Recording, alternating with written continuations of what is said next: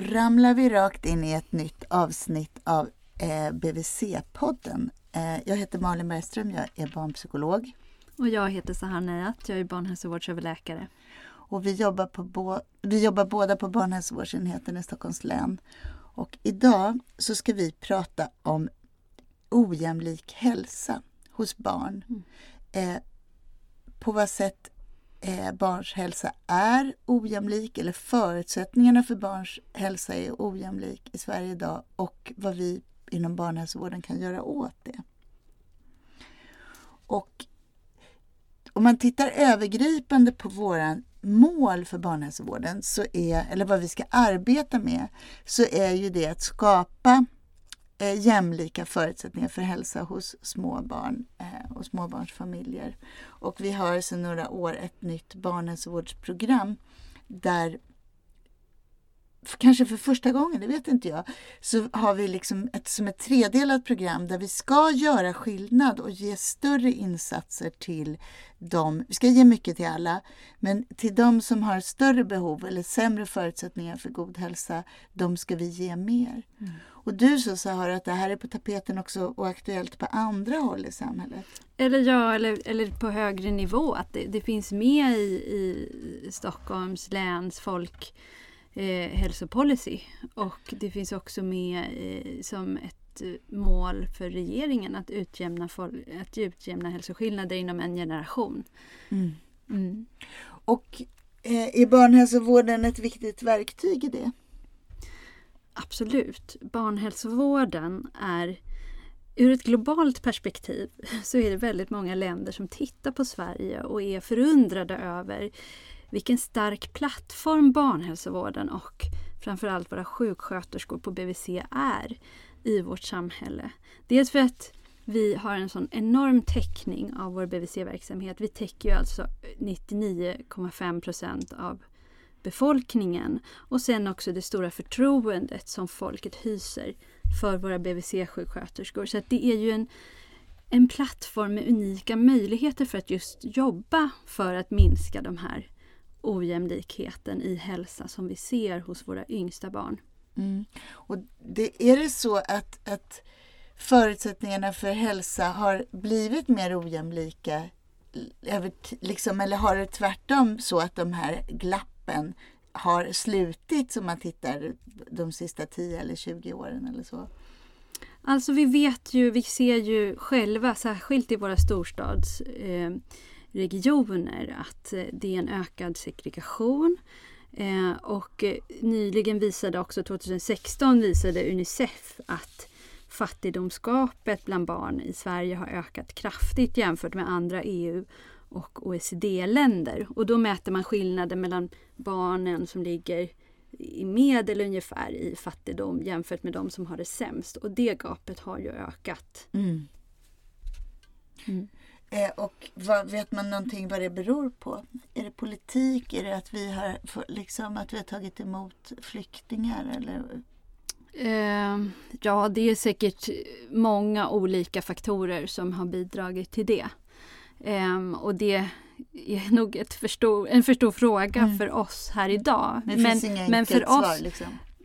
Eh, nej, det, det, är ju många olika faktorer och eh, jag vågar inte spekulera i vad som är viktiga eller vad som mest har bidragit och inte. Utan det är ju, men, men, men det vi ser i vår BVC-verksamhet är att eftersom att den är baserad mycket på bostadsområdesnivå så ser vi en enorm, så ser vi den, de här skillnaderna på BVC-nivå i arbetet som våra BVC-sjuksköterskor gör, är, genomför. Du sa så här att, att om man tittar på fattigdomsglappet eller barn som lever i fattigdom. Hur är, hur är det relaterat till hälsa eller förutsättningar för hälsa? Är det liksom ett absolut samband däremellan eller hur ser det där ut? Ja, alltså det finns eh, en koppling mellan förutsättningar för hälsa och även hälsa. Men det vi mäter med vår statistik inom barnhälsovården, det är förutsättningar för hälsa. Och där ser vi varje år eh, väldigt tydlig koppling mellan eh, barn som lever i familj med låg köpkraft och olika hälsoindikatorer. Till exempel andel barn som helammar, andel barn som utsätts för cigarettrök, andel barn med fetma. Um, mm. Så den kopplingen ser vi. Och när du sa köpkraft, vad är det för mått?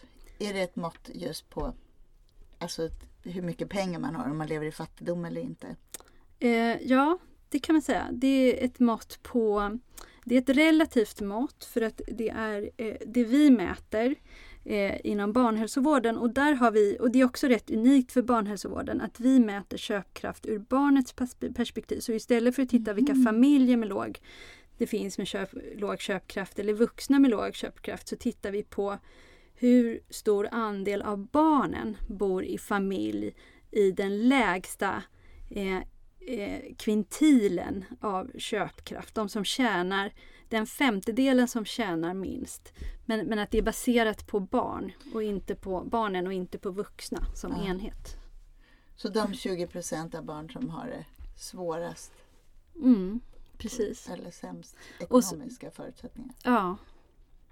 Du, eh, du ska, vi ska få berätta mer om så indikatorer på eh, som, som du använder. Du ska få berätta om den rapport som du har skrivit, Sahar, mm. som jag tycker är så spännande. Men först vill jag bara säga någonting mer om, om barnhälsovården. Vi jobbar ju med de minsta barnen. Är det så att hur man har det när man är noll år eller två år, mm. är det betydelsefullt, inte bara därför att jag är liten och den som samhället ska värna mest om, utan också därför att det, här, det, det påverkar ett livsperspektiv, hur hälsan ser ut när jag är så liten. Absolut. Och det, nu, nu senast så var, det här har slagits fast på flera olika, eh, av, av flera olika experter, men nu senast var det ju Kommissionen för Eh, eh, jämlik hälsa som upprättades av regeringen 2015 och kom ut med en rapport eh, tidigare i år eh, som slog fast att just eh, att arbeta förebyggande i tidig ålder, det är där samhället kan göra de största eh, eh kan ha störst framgång. Eh. Och hur, vad beror det på då? Jo, men man ser att hälsofaktorer i väldigt tidig ålder också påverkar senare. Som till exempel barn med, med fetma har större risk att också ha fetma som vuxna. Mm. Um, och då drabbas av kardiovaskulära sjukdomar eller diabetes typ 2 och även vissa former av cancer.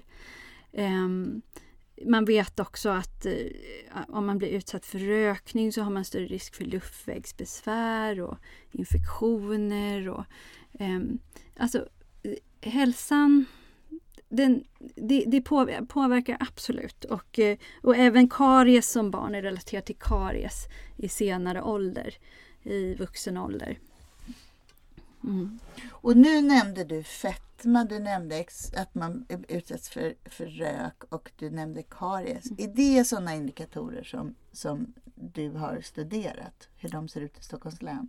Ja, precis. Vi, eh, vi har ju varje år en årsrapport och där, där samlar vi in data från eh, våra BVC eh, sjuksköterskor som jobbar väldigt hårt faktiskt med den här för att vi ska få den här statistiken. Och, och den är också då ur ett globalt perspektiv unik eftersom att den är nästan den är ju nästan heltäckande och det, det, vi har alltså data på populationsnivå.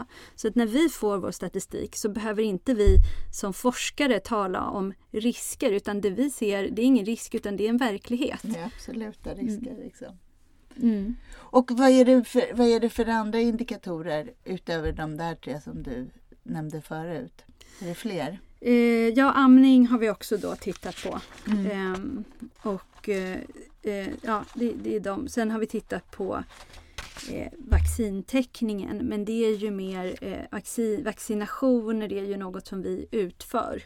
Eh, mm. Vilket minskar risken för att man blir sjuk i den sjukdomen men det är inte ehm, det beror mer på BVCs verksamhet. Men en hög vaccinationstäckning, det kan man ju också tänka sig då att det bidrar till liksom större förutsättningar för hälsa för att ja. man slipper vissa ja. sjukdomar. Men det vi ser med vaccinationer är ju att de eh, inte på samma sätt är relaterade till köpkraft vilket visar egentligen är ett kvitto på att BVC fungerar bra. Mm. För att vi har lyckats att, att eh, eh, överbrygga de här hindren som man kan ha eh, för att man har sämre förutsättningar med just vårt vaccinationsprogram för att BVC är så heltäckande och för att folk har ett sådant förtroende för BVC. Och det, det är så vi måste arbeta på flera olika plan, på fler plan och stärka inom BVC. Du ska få komma tillbaka till mm. de där visionerna. Så jag, jag, undrar, eh, när vi pratar om ojämlik hälsa på svenska så tittar man på den internationella litteraturen eller den engelskspråkiga litteraturen så ryms det två begrepp i, i begreppet jämlik eller ojämlik hälsa. Och på engelska är det inequality och inequity. Och vad betyder det? För det bidrar ändå med ytterligare en dimension, tänker jag. Mm.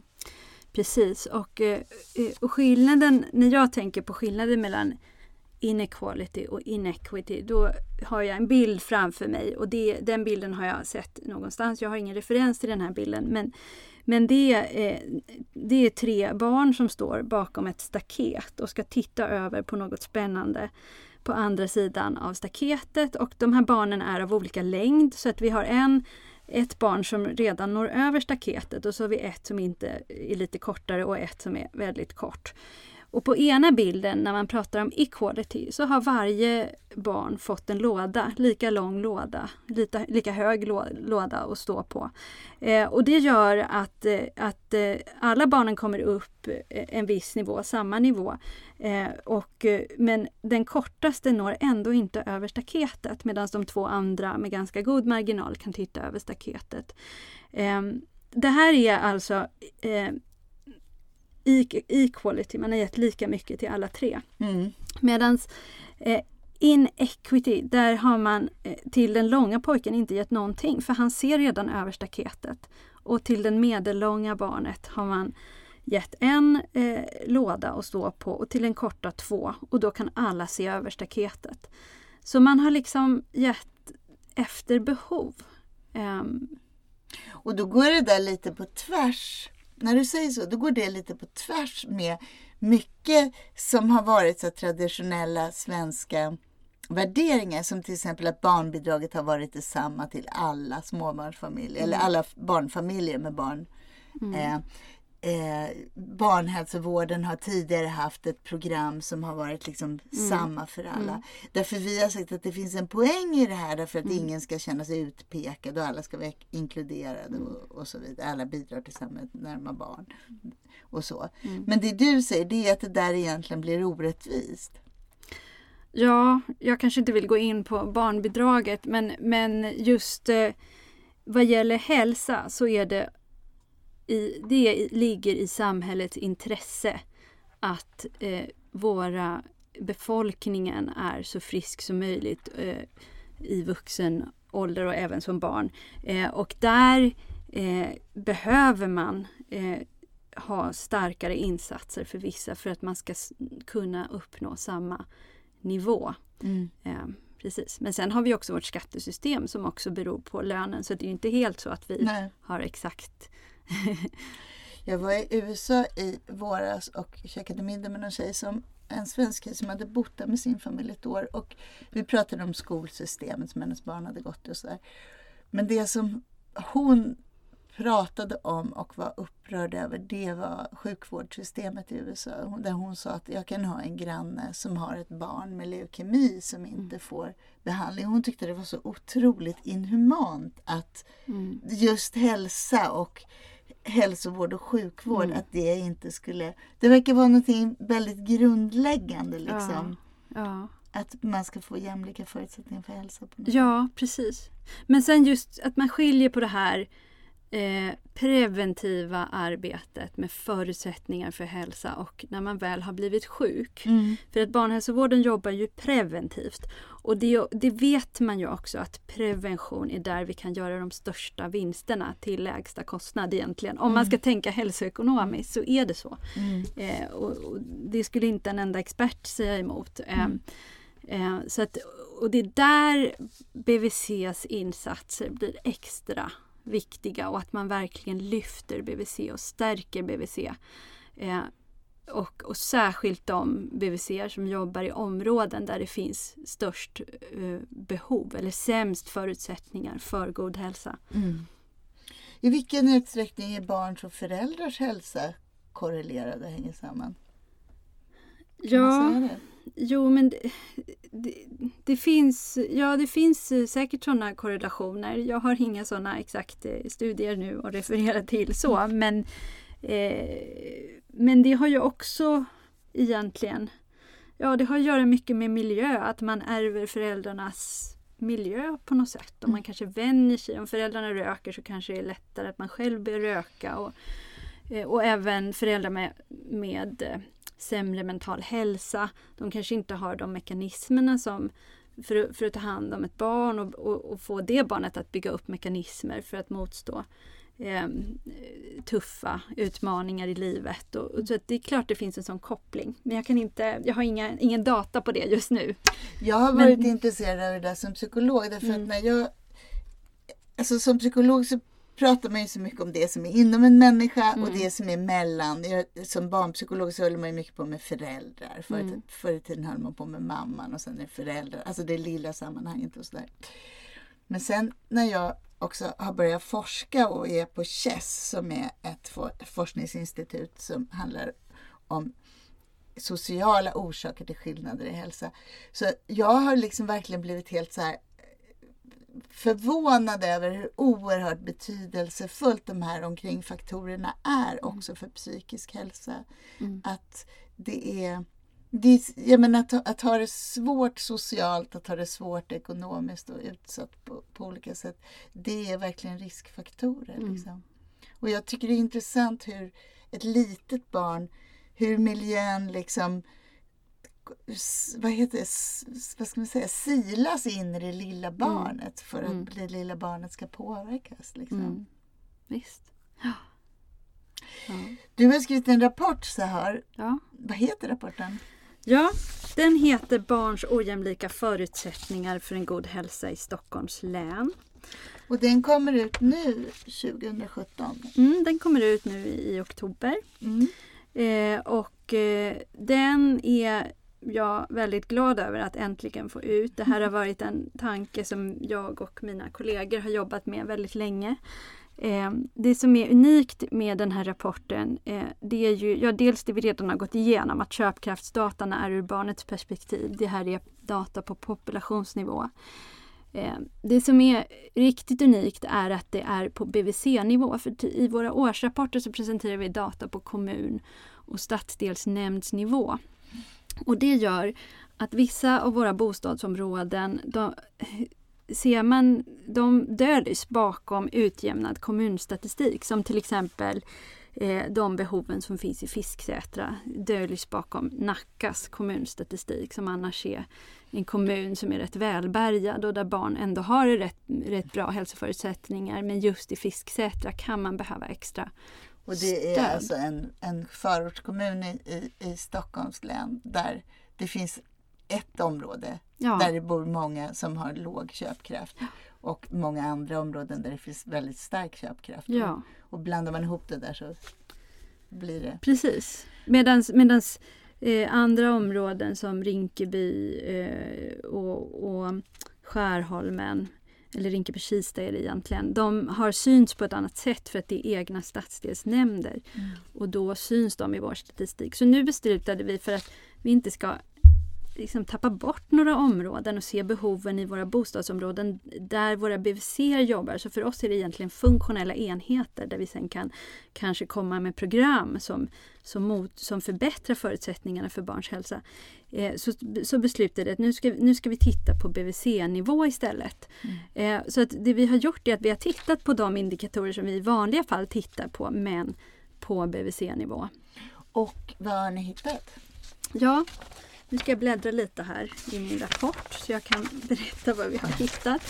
Eh, jo, framförallt det vi hittar jämfört med vår årsrapport där vi tittar på kommun och stadsdelsnämndsnivå så ser vi att skillnaderna mellan Stockholms läns bostads eh, områden är mycket större jämfört med när man tittar på kommunnivå. Så det bekräftar ju egentligen det här med att vi har områden som späds ut i andra Mm. områden. Eh, så när man tittar specifikt på bostadsområdesnivå så man, ser man större skillnader. Och till exempel då när man tittar på kariesförekomst hos barn, hos treåriga barn. Betyder det att man har hål i tänderna Ja, det gör det. när man är tre år? Precis. Mm. Eh, och, och där den då i, i 22 BVC-områden är lägre än 1 och sen så i vissa områden, alltså den högsta ligger på 19 procent. Alltså nästan en femtedel av alla barnen har karies vid tre års ålder. Mm. Och, och det är ju helt självklart då att man som BVC-sjuksköterska behöver jobba olika i de här områdena. Mm. Om 0 eller 19 procent av barnen har Mm. karies vid tre Mm. år. Och då är, handlar det om att, att man ska veta som förälder att man ska borsta tänderna på barn och att de ska Mm. ha tandkräm och kanske få tillgång till tandborste och tandkräm. Ja, Det är en precis. sån Ja, insats. Ja, Liksom. att man ska börja ta hand om tänderna så fort de kommer fram Ja. egentligen. Ja. Ja. Handlar det också om vad man äter när man får olika typer av karies? Eller är Det gör det naturligtvis. Ja men det, det handlar också om vad man äter naturligtvis. Ja. Mm. Om det är mycket socker. Och, Så, så ja. det, där har vi liksom en väldigt konkret eh, Ja. Där man kan göra någonting åt det. Ja. Du sa att det var eh, 22 stadsdelar, kommundelar som, där det var mindre än en procent. på karies. BVC-områden. Ja, Mm. och hur många BVC-områden finns det? Ja, eller BVC, då kan man säga BVC, det finns 120 ungefär BVCer. Mm. Mm. Ehm, så av dem så låg 22 eh, stycken eh, hade barn som hade ehm, där lägre än 1% hade karies. Så typ 15 procent så var problemet. Det var ingenting man behövde jobba med på BVC och sen Nej. fanns det några där det var väldigt stor risk för barnen. Ja, precis. Och såg det ut på samma sätt när ni tittar på andra indikatorer? Ja, men det är lite olika bostadsområden som skiljer ut sig eh, vad gäller olika indikatorer. Men när man tittar till exempel på amning och där vill man ju helst att barnen ska amma eh, så långt det går. Helst vill man ju att barnen ska helamma och om inte det går så ska man amma partiellt eh, lite grann. Det, sen, det betyder att man ammar och ger ja, flaska eller Ja. någon annan mat.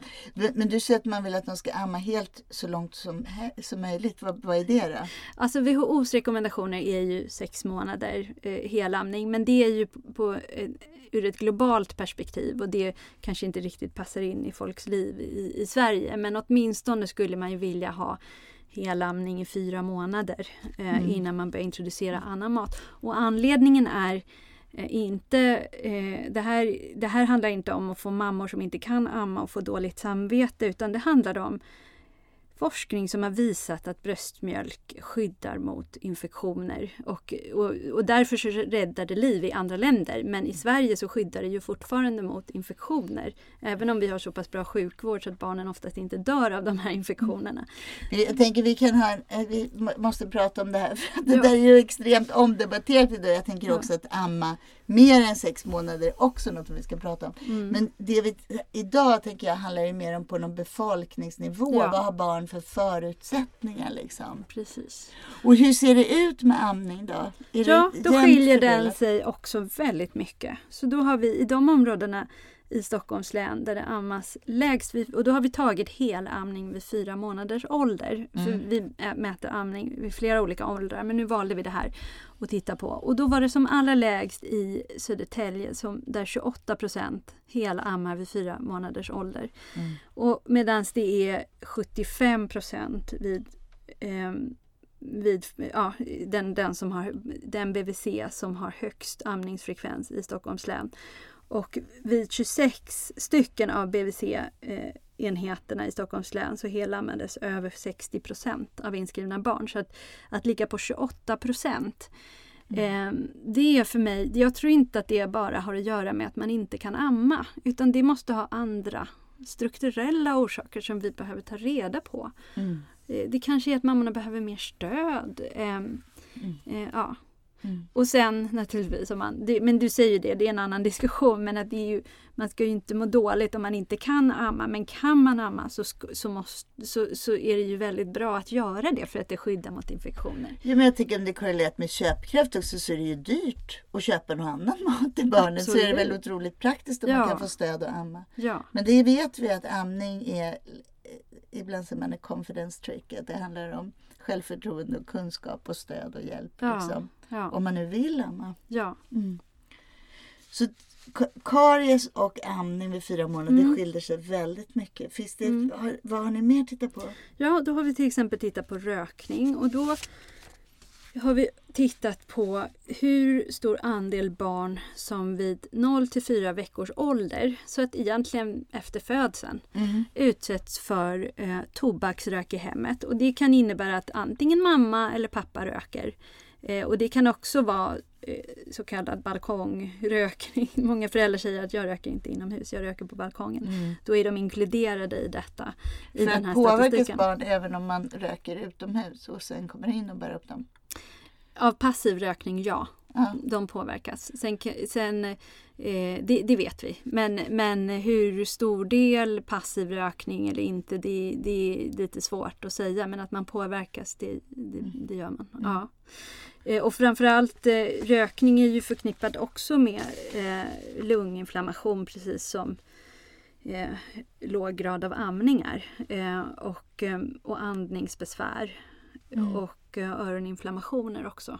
Så det är en riskfaktor för småbarn att, att, de, att det, röks i deras hem eller Ja, på balkongen ja. till deras bostad. Liksom. Ja. Och, och, vad är det för andelar där? Har du några siffror på det? Ja, och då skiljer det sig så mycket som eh, n- 40 procent nästan. Så vi har områden där ingen röker i hemmet och det är ungefär vi hade 28 BVC-enheter eh, där färre än 3 procent av barnen vid 0 till 4 veckor utsattes för tobaksrök i hemmet. Och sen har vi ett område i Fittja där 37 procent av barnen utsätts för tobaksrök Mm. eh, i så tidig ålder. Och eh, ja, för jag tycker det är en enorm skill- Ja, det är skillnad. en ja. enorm skillnad. Och medlet i Stockholm ligger på 8% så att om Fittja ligger på 37 då är det ju väldigt begränsat kanske till några områden. Om medlet ändå är rätt lågt. Och det här som du har tittat på det är ju då påverkbara faktorer. För rökning Ja. kan man ju påverka, man kan ju sluta röka eller man kan liksom, det kan man också få stöd i. Ja, Och lägga av och kunskap. absolut. Ja. Och eh, jag skulle vilja referera till Michael Marmot, Marmot som var en pionjär inom just det här Health Equity. Eh, och han, han sa faktiskt att hälsoskillnader som med rimliga medel går att förebygga är orättvisa. Och att ställa dem till rätta är en fråga om social rättvisa. Mm. Och det här känns, om det skiljer sig så mycket, i vårt lilla län skiljer sig 40 procent i barn som utsätts för cigarettrök. Då, då, då, måste, då måste man ju kunna göra mer, Mm. tänker man ju. Mm. Ja. eh, sen har vi också tittat på fetma. Eh, och där kan man, då skiljer det inte lika mycket men det skiljer ändå mellan 0 och 10 procent mellan de bostadsområdena som har högst respektive Vad betyder Lägst. fetma? Hur är det definierat? Om ett, ett barn har fetma, vilken ålder är det man har tittat på? Ja, då tittar man på fyraåringar Mm. och då finns det en speciell kurva som är relaterad till ålder. Mm. Eh, ISO-BMI-kurvan som man då plottar in barnets vikt och längd på och så, och så ser man åldern och då. Mm. För fetma är någonting annat än övervikt. Att ha ja, övervikt, är mindre. mildare form än Ja, fetma. Mm. Ja.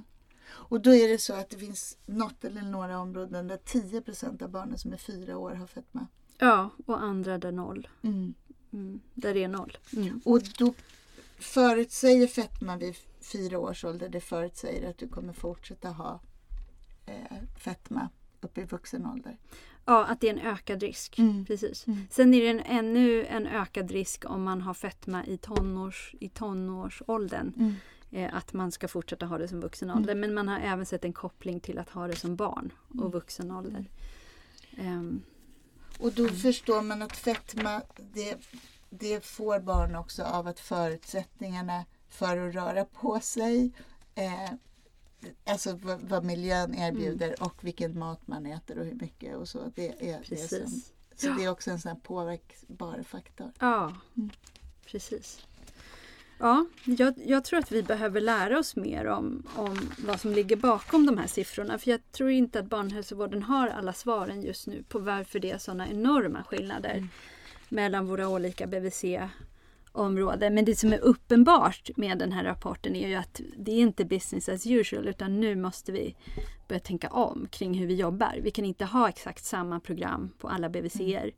Eh, för det är inte eh, tillfredsställande. Det är inte, till... inte equity. Nej, och, nej precis. Och vi, frågan är om vi på det sättet kan påverka inequity så att det blir mer equitable, mm. jämlikt.